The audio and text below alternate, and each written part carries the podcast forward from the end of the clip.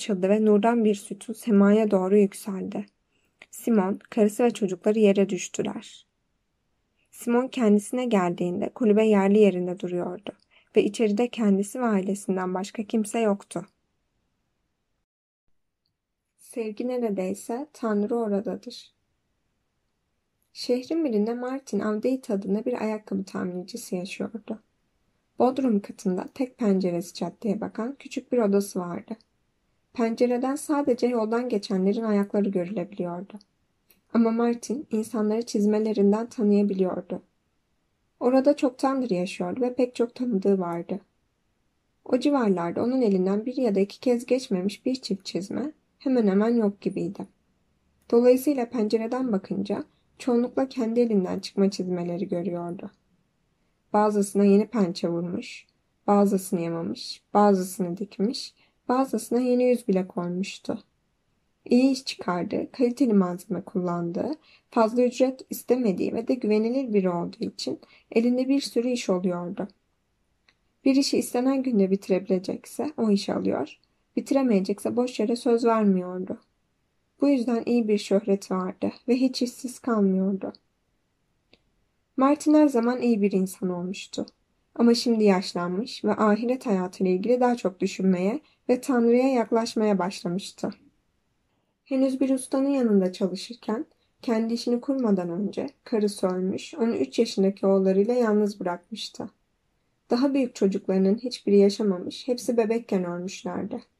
İlkin Martin küçük oğlunu taşradaki kız kardeşinin yanına göndermeyi düşünmüş ama sonra çocuktan ayrılacağı için üzüntü duymuş ve şöyle düşünmüştü. Benim küçük kaptanım başka bir ailenin yanında zorlanır, yapamaz. Benimle kalsın.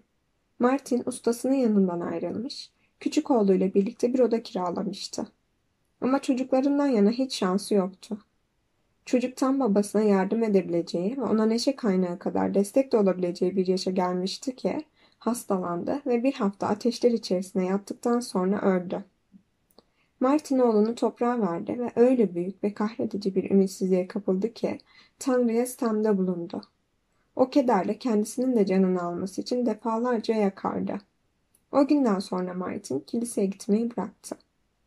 Bir gün Martin'in doğduğu köyden 8 yıldır hacı olan yaşlı bir adam Troitsa manastırından dönüşte onun yanına uğradı.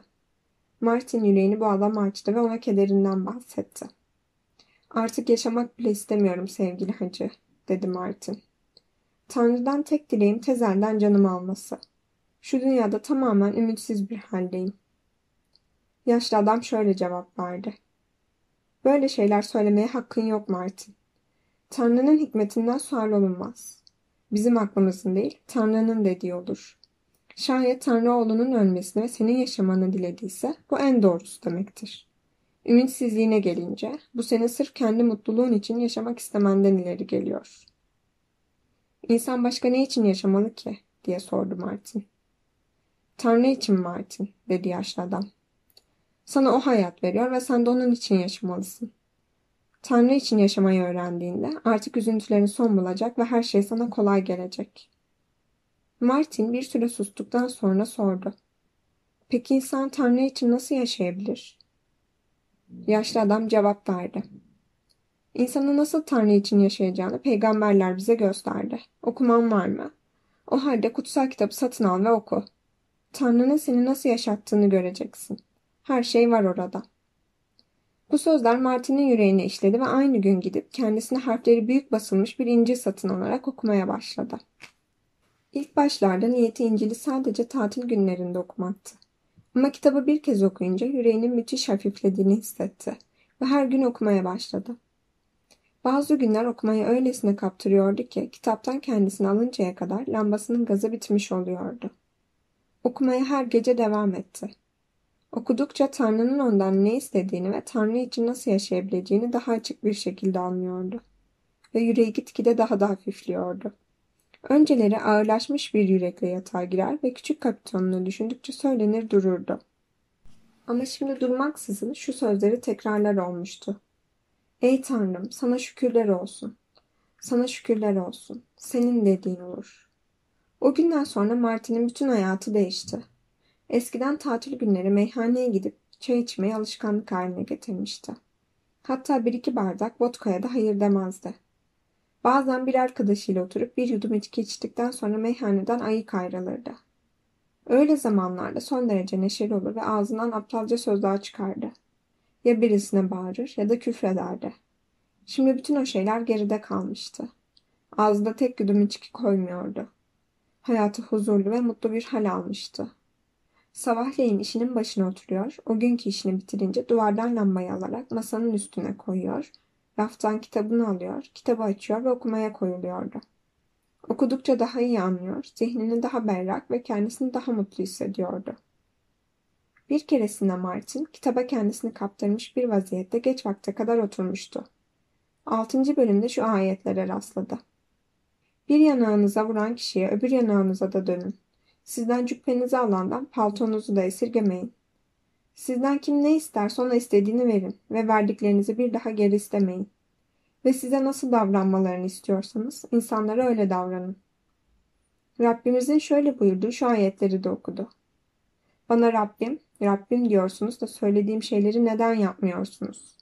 Her kim bana gelir de dediklerimi işitir ve yaparsa onun neye benzediğini size göstereyim. O bir ev yaparken temeli derin kazan ve bir kayanın üstüne oturtan bir adama benzer. Sel suları yükseldiğinde sular evi şiddetle dövdü. Ama sarsamadı. Çünkü ev bir kayanın üstüne yapılmıştı. Ama dediklerimi işitmeyen ve yapmayan kimse toprağın üstüne temelsiz bir ev inşa eden bir adam gibidir. Sel suları evi şiddetle dövdü ve ev derhal çöktü. Ve evden geriye büyük bir enkaz kaldı. Martin bu sözleri okuyunca ruhu huzur buldu. Gözlüklerini çıkardı ve kitabın üzerine koydu. Dirseklerini masaya dayayarak okuduklarıyla ilgili derin düşüncelere daldı. Kendi hayatına bu sözlerin ölçeğine vurdu ve kendisine şu soruyu sordu. Benim evim kaya üstüne mi yoksa kum üstüne mi inşa edilmiş? Şayet kaya üstünde duruyorsa iyi. Burada yalnız başına oturarak Tanrı'nın bütün emirlerini yerine getirdiğini düşünmek kolay. Ama ne zaman tetikte olmayı bırakırsam tekrar günah işliyorum. Gene de sebat edeceğim. Bu insan o kadar mutlu ediyor ki. Ey Tanrım, bana yardım et. Bütün bunları düşündükten sonra yatmak üzereydi ki kitabı bırakmaya gönlü el vermedi ve yüzbaşıyla dul kadının oğlu John'un müritlerine verilen cevapla ilgili olan yedinci bölümü okumaya devam etti. Zengin bir ferisinin Hazreti İsa'yı evine davet ettiği bölüme geldi. Bir günahkar olan kadının Hazreti İsa'nın ayaklarına kutsal yağ sürüşünü ve onları gözyaşlarıyla yıkayışını ve Tanrı'nın kadının günahlarını affedişini okudu. Ve kadına dönerek Simon'a, bu kadını görüyor musun? dedi. Evine geldim ama sen bana ayaklarım için su vermezken bu kadın ayaklarımı gözyaşlarıyla ıslattı ve saçlarıyla yıkadı. Sen beni öpmedin ama bu kadın geldiğinden beri ayaklarımı öpmeyi bırakmadı. Sen başıma kutsal yağdan sürmedin ama o ayaklarımı kutsal yağla yağladı. Martin bu ayetleri okudu ve şöyle düşündü. Adam Hazreti İsa'ya ayakları için su vermedi, onu öpmedi, kutsal yağla başını yağlamadı. Martin bir kez daha gözlüklerini çıkarıp kitabın üstüne koydu ve düşünmeye başladı. O Ferisi de benim gibi. O da sırf kendini düşündü. Nasıl bir fincan çay içebileceğini, nasıl soğukta kalmayacağını ve de nasıl rahatına bakacağını. Misafirini hiç düşünmedi. Sırf kendisiyle ilgilendi ama misafiriyle hiç ilgilenmedi. Ya misafiri kimdi? Hazreti İsa'nın kendisi. Benim evime gelse ben böyle mi davranırım? Sonra başını kollarının üstüne koydu ve farkına varmadan uyuyakaldı. Martin, aniden biri kulağının dibinde söylemiş gibi bu sesi işitti. Uykusundan uyandı. Kim var orada? dedi. Arkasını dönüp kapıya baktı. Kimsecikler yoktu. Tekrar seslendi. Sonra apaçık bir şekilde şunu işitti. Martin, Martin yarın caddeye bak çünkü ben geleceğim. Martin doğruldu. Sandalyesinden ayağa kalktı ve gözlerini avuşturdu. Bu sözleri rüyasında mı yoksa uyanıkken mi duyduğunu çıkaramıyordu. Lambayı söndürdü ve yattı. Ertesi gün güneş doğmadan kalktı ve dualarını okuduktan sonra ateşi yakıp lahana çorbasıyla kara buğday lapasını pişirdi. Sonra semaveri yaktı ve iş önlüğünü giyerek pencerenin yanına işinin başına geçip oturdu. İşini yaparken bir önceki gece olanları düşünüyordu. Ara ara sanki bir rüyaymış gibi geliyor, ara ara ise sesi gerçekten duyduğunu düşünüyordu. Böyle şeyler bundan önce de olmuştu, diye düşündü. Böylelikle pencere kenarında oturmaya devam etti. Çalışmaktan çok caddeye bakıyor, yoldan ne zaman kendisini tanımadığı çizmeler giyen birisi geçse, o geçen kişinin yalnız ayaklarını değil, yüzünü de görmek için eğilip yukarı bakıyordu. Yeni keçeli çizmeleriyle bir kapıcı geçti. Sonra bir su hamalı. Şimdi elinde küreğiyle Nikola döneminde askerlik yapmış olan birisi pencerenin yanına geldi.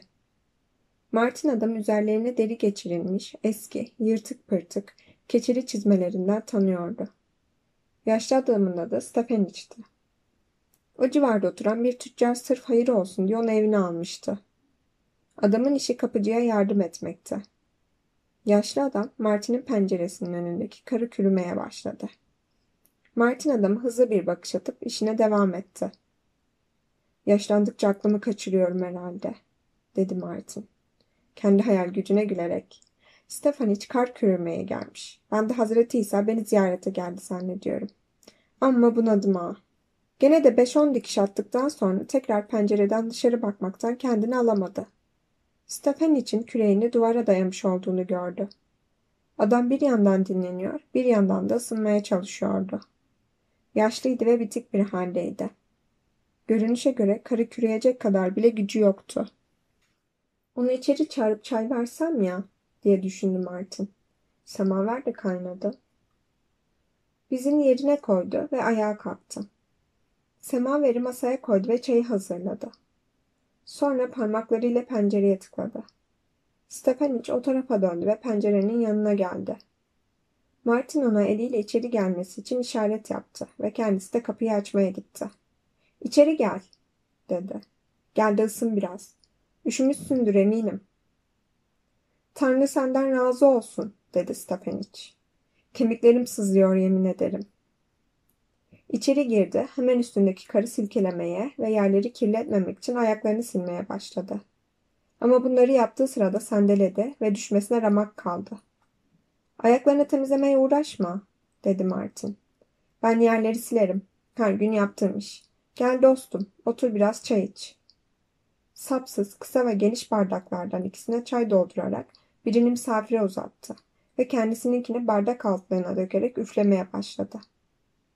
Stefan iç bardağını bitirdi, ters çevirdi ve arta kalan şekerlerini bardağın üstüne koydu. Teşekkür etti ama belliydi ki bir bardak daha çaya hayır demeyecekti. Bir bardak daha iç dedi Martin. Kendisinin ve misafirinin bardaklarını doldurarak. Ancak Martin bir yandan çayını içerken diğer yandan da caddeye bakmaya devam ediyordu. Birisini mi bekliyorsun? diye sordu misafire. Birisini mi bekliyorum? Şey, anlatmaya utanıyorum. Aslında gerçekten birini falan beklediğim yok. Ama dün gece bir şey duydum ve şimdi aklımdan çıkmıyor. Düş müydü yoksa bir hayal mi? Şimdi çıkaramıyorum. Dostum bilirsin işte. Dün gece İncil'i okuyordum. Efendimiz İsa'yı, çile çekişini ve yeryüzünde insanlara gözüküşünü. Bunları duymuşsundur zannedersem. Duydum, dedi Stefanic. Ama ben cahil bir adamım ve okumam yazmam da yok. İşte, İsa'nın yeryüzünde dolaşıp nasıl insanlara gözüktüğünü okuyordum. O bölüme geldim. Hani onu iyi karşılamayan Feris'inin evine gittiği bölüme. Okudukça, dostum, adamın Efendimiz İsa'yı şerefine yakışır bir şekilde ağırlamadığını düşünmeye başladım. Varsayalım ki böyle bir şey benim gibi bir adamın başına geldi diye düşündüm. Onu ağırlamak için neler yapmazdım. Ama o adam ona hiç konukseverlik göstermedi. İşte dostum. Bunu düşünürken uyuyakalmışım. Uyurken birisinin bana adımla seslendiğini duydum. Kalktım ve birinin bana fısıldadığını duyar gibi oldum. Beni bekle, yarın geleceğim. Bu iki kere daha oldu. Ve sana gerçeği söylemek gerekirse bu söz zihnimde öylesine yer etti ki şu an her ne kadar söylemeye utanıyor da olsam onu yani sevgili efendimizi bekliyorum. Stephanie susarak başını salladı. Bardağını bitirdi ve yan yatırdı. Martin bardağı doğrulttu ve içine tekrar çay koydu. Al bir bardak daha iç. Afiyet olsun. Ben şunu da düşünüyordum.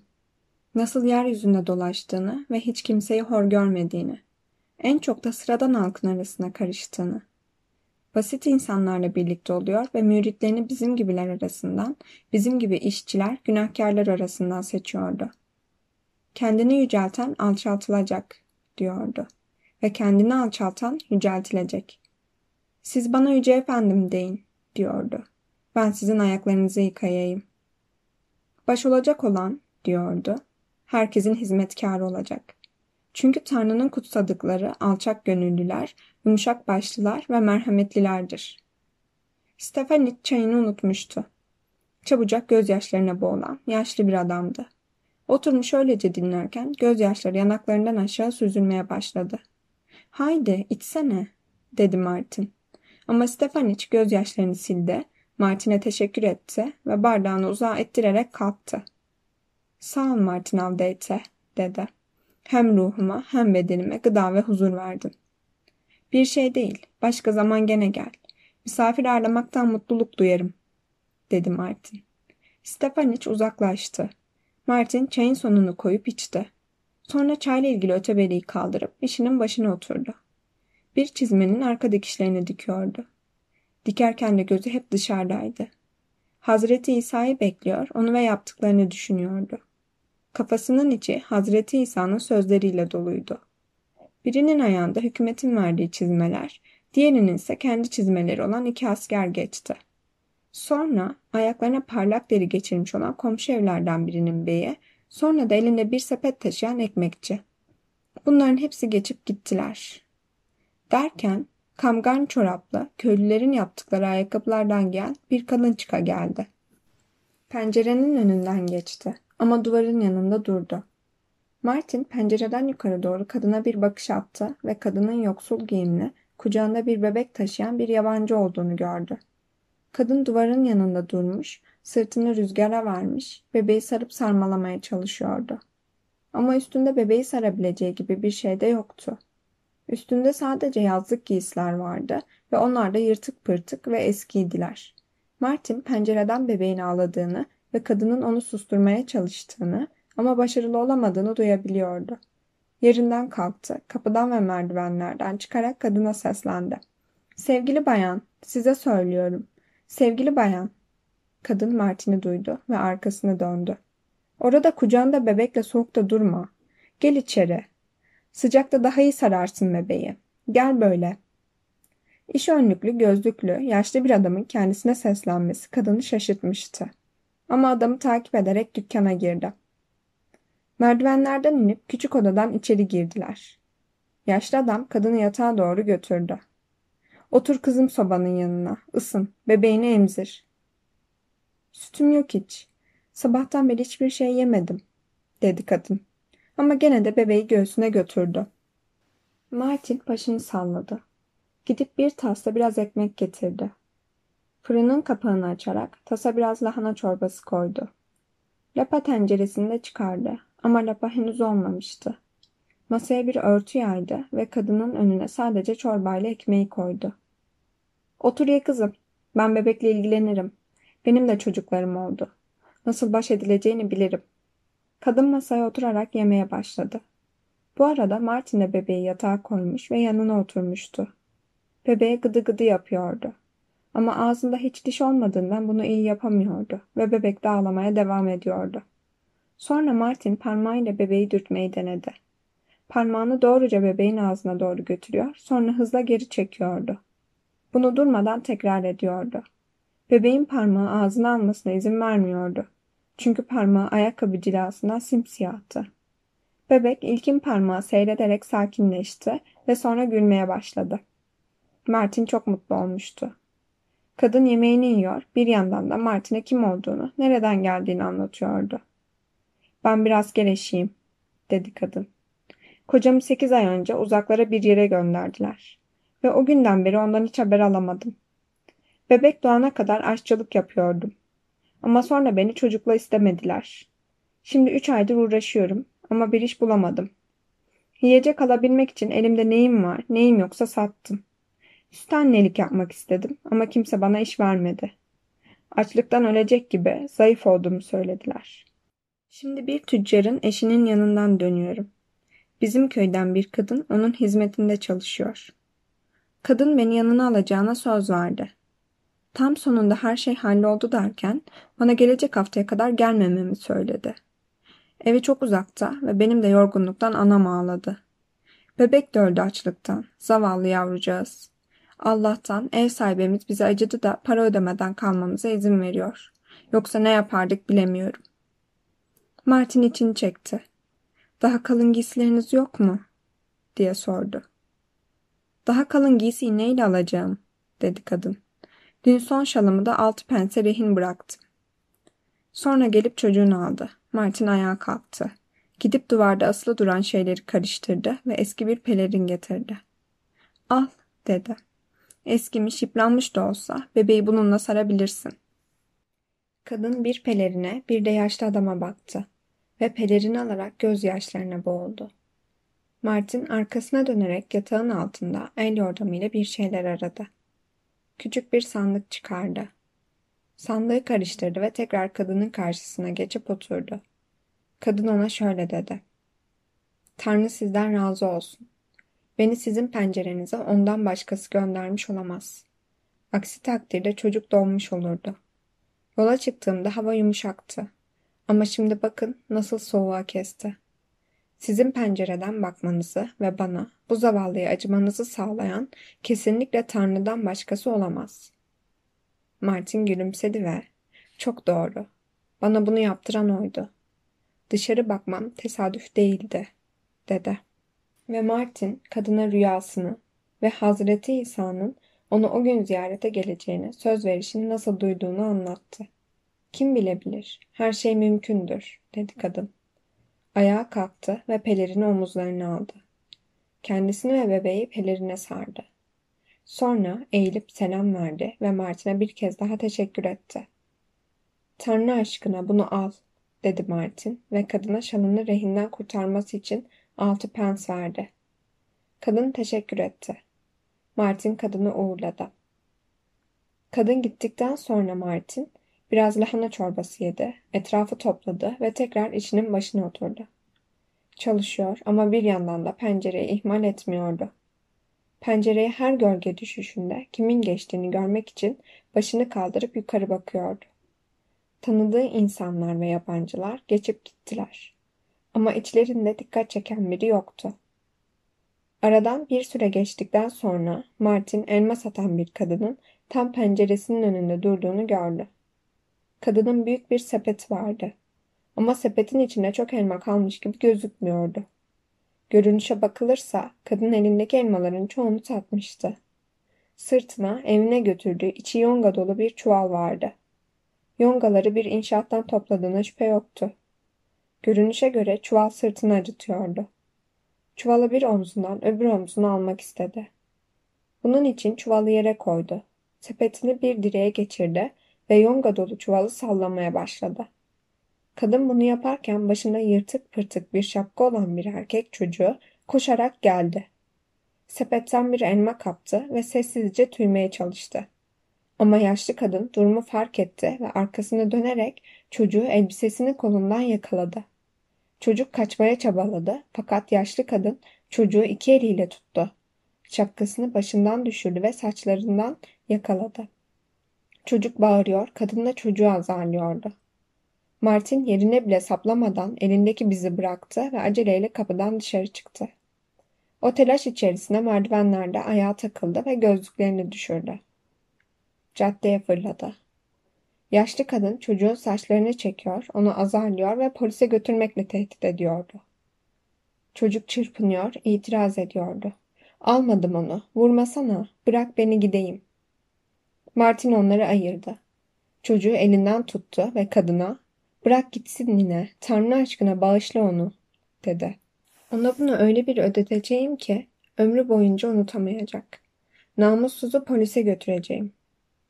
Martin kadına dil dökmeye başladı. Bırak gitsin nine. Bir daha yapmayacak. Tanrı aşkına bırak gitsin. Yaşlı kadın çocuğu bıraktı. Çocuk koşup uzaklaşmak istedi ama Martin onu durdurdu. Nineden özür dile bakalım, dedi. Bir daha da sakın aynı şeyi yapayım deme. Elmayı aldığını gördüm. Çocuk ağlamaya ve özür dilemeye başladı. Şimdi oldu. Al bakalım sana bir elma, dedi Martin ve sepetten bir elma alarak çocuğa verdi. Parasını ben ödeyeceğim nine. Böyle yaparak o küçük namussuzları şımartıyorsun, dedi yaşlı kadın. Kırbaçlayacaksın ki bir hafta acısını unutamasın. Ah nine, dedi Martin. Bu bizim izlediğimiz yol ama Tanrı'nın izlediği yol bu değil. Onu bir elma çaldığı için kırbaçlamak gerekiyorsa ya günahlarımız için bize ne yapmalı? Yaşlı kadın susuyordu. Martin kadına hizmetkarının kendisine olan yüklü miktardaki borcunu affeden Lord meselesini anlatmaya başladı. Hizmetkarın sonra gidip kendisine borcu olan bir başkasının boğazına nasıl yapıştığını anlattı. Yaşlı kadın meseleyi baştan sona dinledi. Çocuk da durup dinledi. Tanrı bize affetmemizi emrediyor, dedi Martin. Yoksa o da bizi affetmeyecek. Kim olursa olsun affet. Öncelikle de aklı ermeyen bu çocuğu.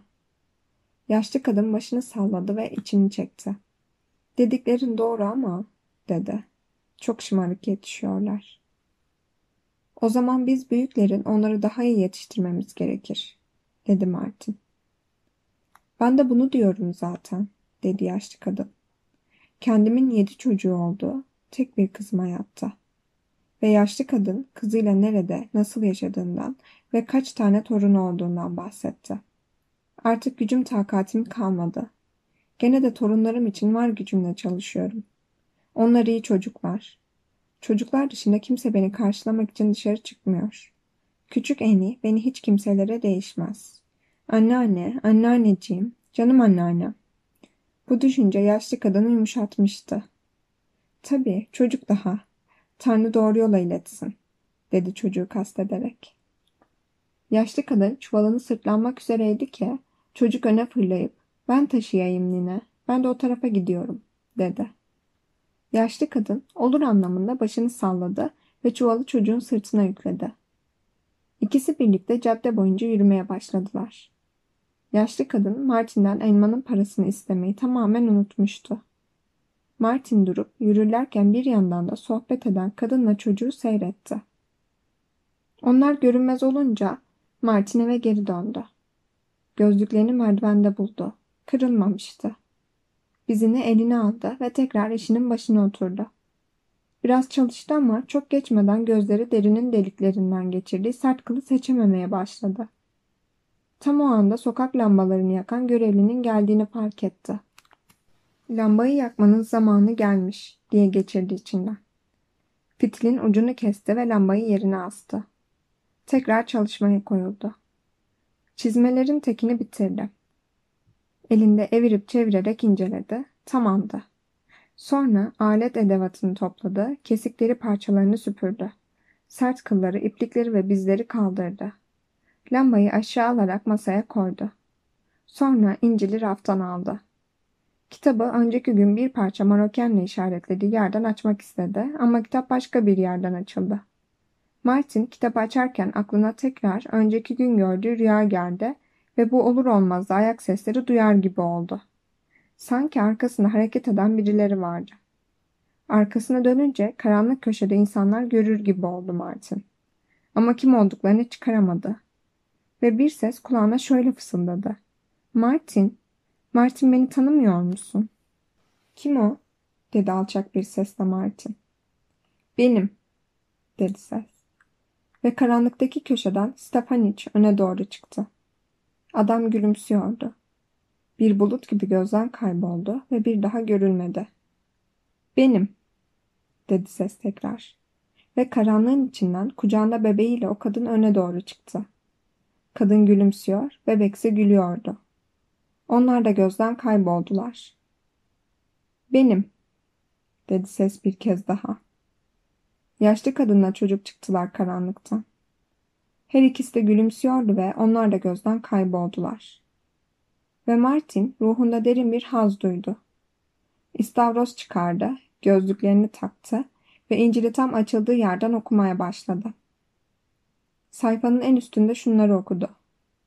Ben açtım, sen bana et verdin.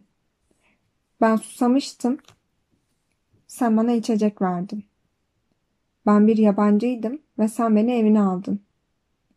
Sayfanın en altında ise şunlar yazılıydı.